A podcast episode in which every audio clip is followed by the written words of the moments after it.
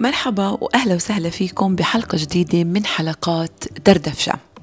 هذا البودكاست اللي بيعطينا دفشة بعد كل دردشة إحنا بنعملها وهاي الدفشة هي عبارة عن دفعة كتير قوية باتجاه تطوير الذات وكمان خلق النسخة الجديدة والمطورة منا خلال هاي الحلقات بنحكي كتير عن بناء العادات لأنها هي أداة جدا فعالة في إنه إحنا نقدر نتطور بدون التأثير أي نوع من أنواع التدريب أو أي نوع من أنواع المعلومات أو تطبيق لهي المعلومات على السلوكيات تبعيتنا اللي هي تاخذ إطار العادات معناته إحنا بنضلنا محلنا لأنه السلوكيات هي واحدة من الأشياء كتير مهمة.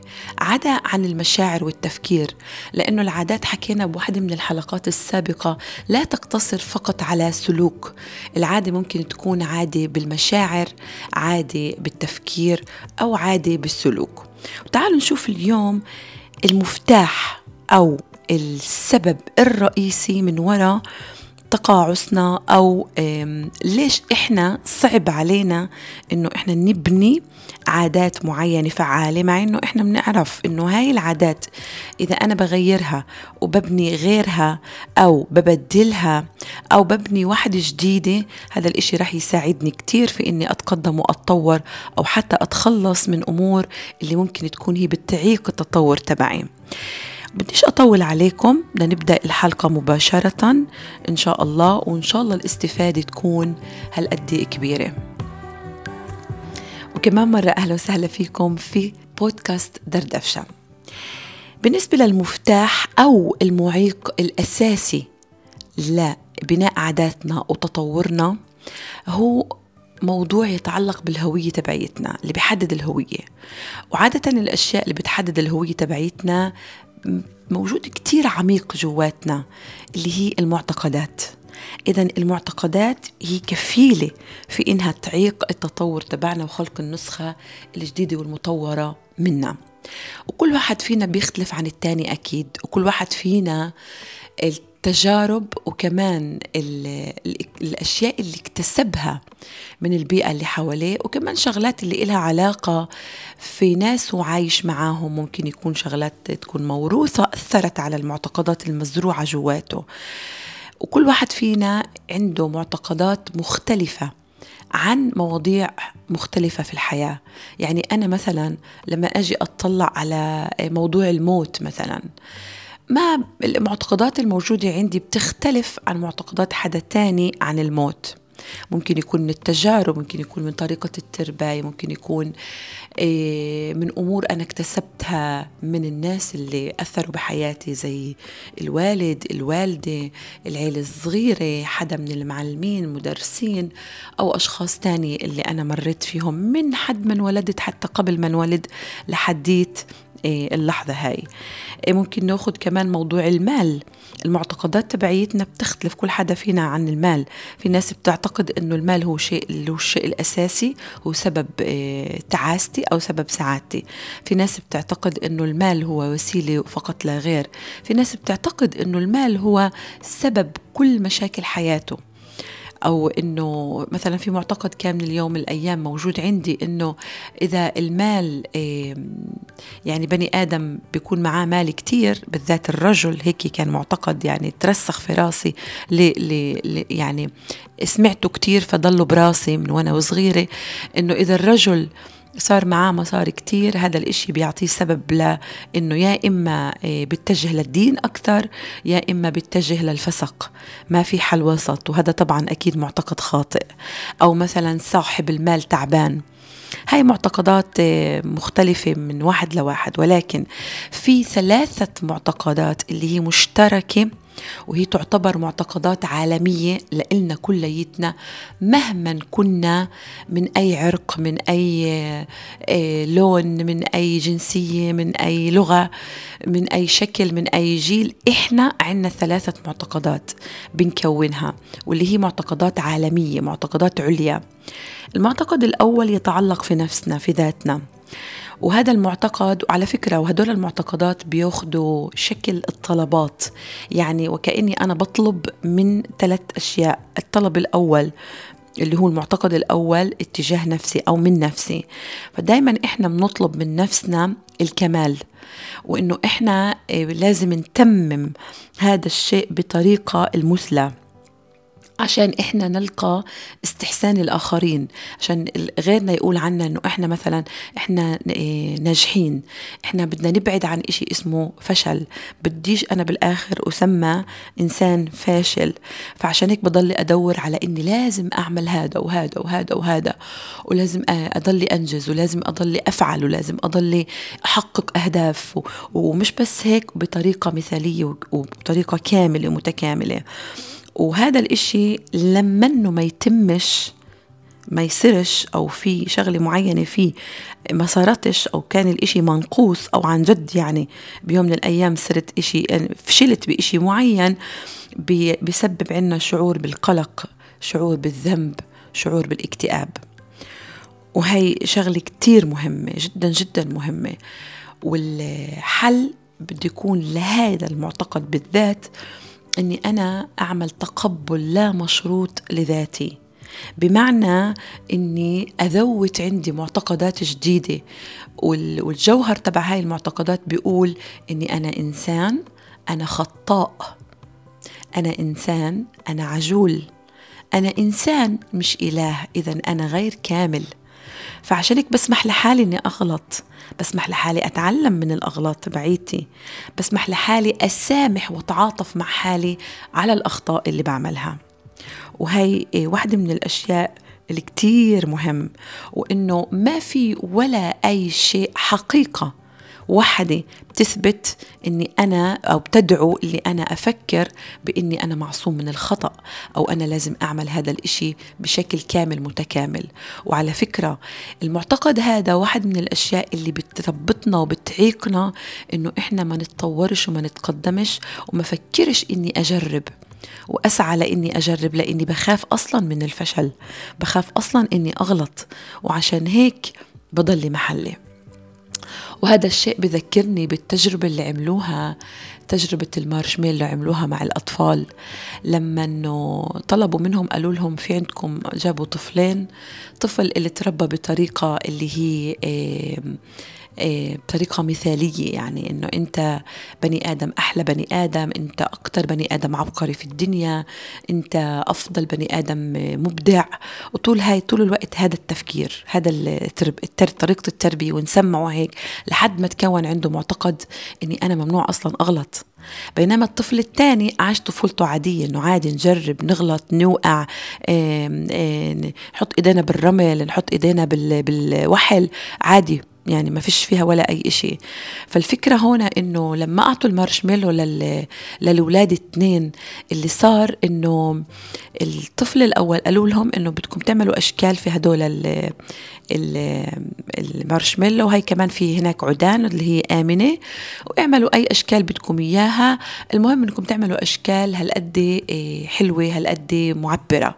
فأجوا بعد ساعة على الولدين لاقوا إنه الولد الأول أكل من المارشميلو بنفس الوقت عمل أشكال. يعني سمح لحاله يأكل سمح لحاله يعمل أشكال ويعمل شكل ورد فكفك ورد كمان مرة ركبه. والولد الثاني أجوا عليه لقوه ولا إشي عامل ولا حتى طبب وحده وماكلها. ليه؟ لأنه خايف من الفشل. خايف أنه ما يكونش أحسن واحد خايف ما يكونش أنه هو أكثر واحد منتج أو أكثر واحد مبدع أو أكثر واحد ذكي في الدنيا زي ما كيف انحط براسه هذا المعتقد. إذا هاي هي المعتقد الأول. المعتقد الثاني هو المعتقد اللي بيتعلق في الآخرين. المعتقد اللي هو عبارة عن شو أنا طلباتي من الآخرين. والطلبات تبعيتنا عادة بتكون من الآخرين أو حسب هذا المعتقد أنه أنا بتوقع بتوقع دايما. الناس تعاملني بأحسن معاملة وبتحترمني طول الوقت. وكيف ما أنا بدي تعاملني وممنوع يعاملوني بطريقة غير اللي أنا بدي إياها. وإذا عاملوني بطريقة غير اللي أنا بدي إياها أنا بفوت في حالة عدوانية بصير عندي بنمي عندي شعور الانتقام بصير بدي أنتقم بميل للعنف أكثر للغضب أكثر وبالتالي بصير عندي مشكلة في بناء العلاقات. وبناء العلاقات واحدة من الأشياء الحيوية جدا بحياة الإنسان لأنه إحنا نعتبر مخلوقات اجتماعية وما بنقدر نعيش آه، بدون علاقات. ولما يصير شرخ بالعلاقات بسبب هذا المعتقد اللي بيصير عنا هنا إنه عن جد إحنا بنصير نشعر إنه في عنا مشكلة جدا آه، قوية بحياتنا. أقلها مثلا الشعور بالوحدة أو أقلها إنه بيكونش في عنا أدوات كيف أنا أتعامل مع حياتي. كيف أنا أتعامل آه، مع جوانب كتير لها يعني علاقة مع الناس اللي حوالي. لأنه الناس اللي حوالي هي جزء من الأهداف تبعيتي. الناس اللي حوالي هي جزء من آه، تعال نقول آه، كمان مسيرتي اتجاه إني أنا أتطور واتجاه إني أنا أبني النسخه جديدة من حالي. طيب والحل؟ الحل بيكمن في إني أنا إيه، أتعامل مع هذا الموضوع وكأنه إيه، وارد. يعني عادي عادي أنا أتوقع ان الناس ما تعاملني زي ما بدي. عادي إنها الناس تكون مختلفة. مش إذا عاملوني إيه، بشكل مش منيح معناته إنه كل الناس مش منيحة. مش إذا أنا تعرضت لموقف واحد مع أشخاص معينين معناته كل الأشخاص هدول أنا لا أصلح أو هم لا يصلحوا أنهم يكونوا بدوائر التعامل تبعي أو أني أنا أعمل أصلا بشكل عام أعمم أنه العلاقات الاجتماعية كليتها مش منيحة. إذا وبرضه ما في ولا أي حقيقة بتحكي وبتقول أنه لازم كل الناس يكونوا زي بعضهم بطريقة المعاملة لإلي. هاي المعتقد الثاني أما المعتقد الثالث واللي هو الأخير بيحكي عن المعتقد أو الطلب مني أنا أو المعتقد اللي بيتعلق في الكون وبالحياة بشكل عام. إنه أنا دايما بدي أطلب من الحياة دايما كل إشي بدي إياه أحصل عليه بالوقت اللي بدي إياه وكيف ما أنا بدي إياه. ومش بس هيك وممنوع أنا أحصل على أي إشي بديش إياه. يعني لا أتقبل أي شيء سلبي ممكن يصير معي أو حادث يصير معي وهنا مربط الفرس. يعني إحنا بنفكر دايما إنه الأحداث اللي بتصير معنا بحياتنا هي اللي بتسبب الاضطرابات لإلنا. مع إنه مش هيك الموضوع. الموضوع ردود أفعالنا على هاي الأحداث هي اللي بتحدد كيف أنا أعيش أو مسار حياتي كيف بده يكون؟ هل رح يكون مسار صحي مسار إيجابي ولا مسار اللي هو سلبي وأضل طول الوقت محبوس بهذا القفص؟ واللي بيحدد ردود أفعالنا على هاي الأحداث هو المعتقدات. ولهيك المعتقدات هي المفتاح الأساسي للتطور تبعنا. طيب طب شو الحل إذا للتعامل مع هذا المعتقد الأخير؟ الحل إني أنا أتوقع كل إشي. الحل التقبل كمان مرة. التقبل اللا مشروط للكون للحياة لكل شيء ممكن يصير معي لأنه في شغلات أنا من ضمن سيطرتي وفي شغلات مش من ضمن سيطرتي. في شغلات أنا بقدر أتحكم فيها وأتعلم من, من الأحداث اللي بتصير معي المرة الجاي كيف أتعامل معها وهيك أنا بعلي من دائرة التأثير وبكبر منها. بالتالي سيطرتي على الأمور بتكون أعلى. بينما إذا أنا بعطي لحالي إني أستسلم لهي الفكرة إنه هاي الأحداث اللي بتصير معي لا مش لازم هيك يصير معي أصلا. فبهاي الحالة أنا بنمي عندي الشعور بإني أنا الضحية دائما إيه، أنا اللي مغلوب على أمري الحياة ظلمتني إيه، ما خدتش اللي أنا بستحقه وكل هاي الأمور.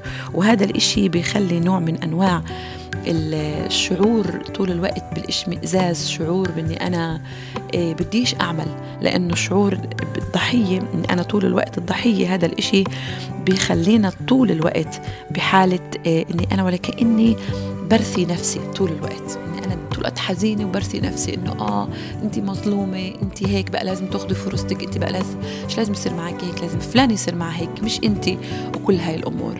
إذا الحل زي ما حكينا التقبل التام للي بيصير معانا وبنفس الوقت أتعلم وأحلل الأحداث عشان إيه، أركز في ردود أفعالي من وين أجت وكيف ممكن للمرة الجاي أحسن من أدائي بالحياة.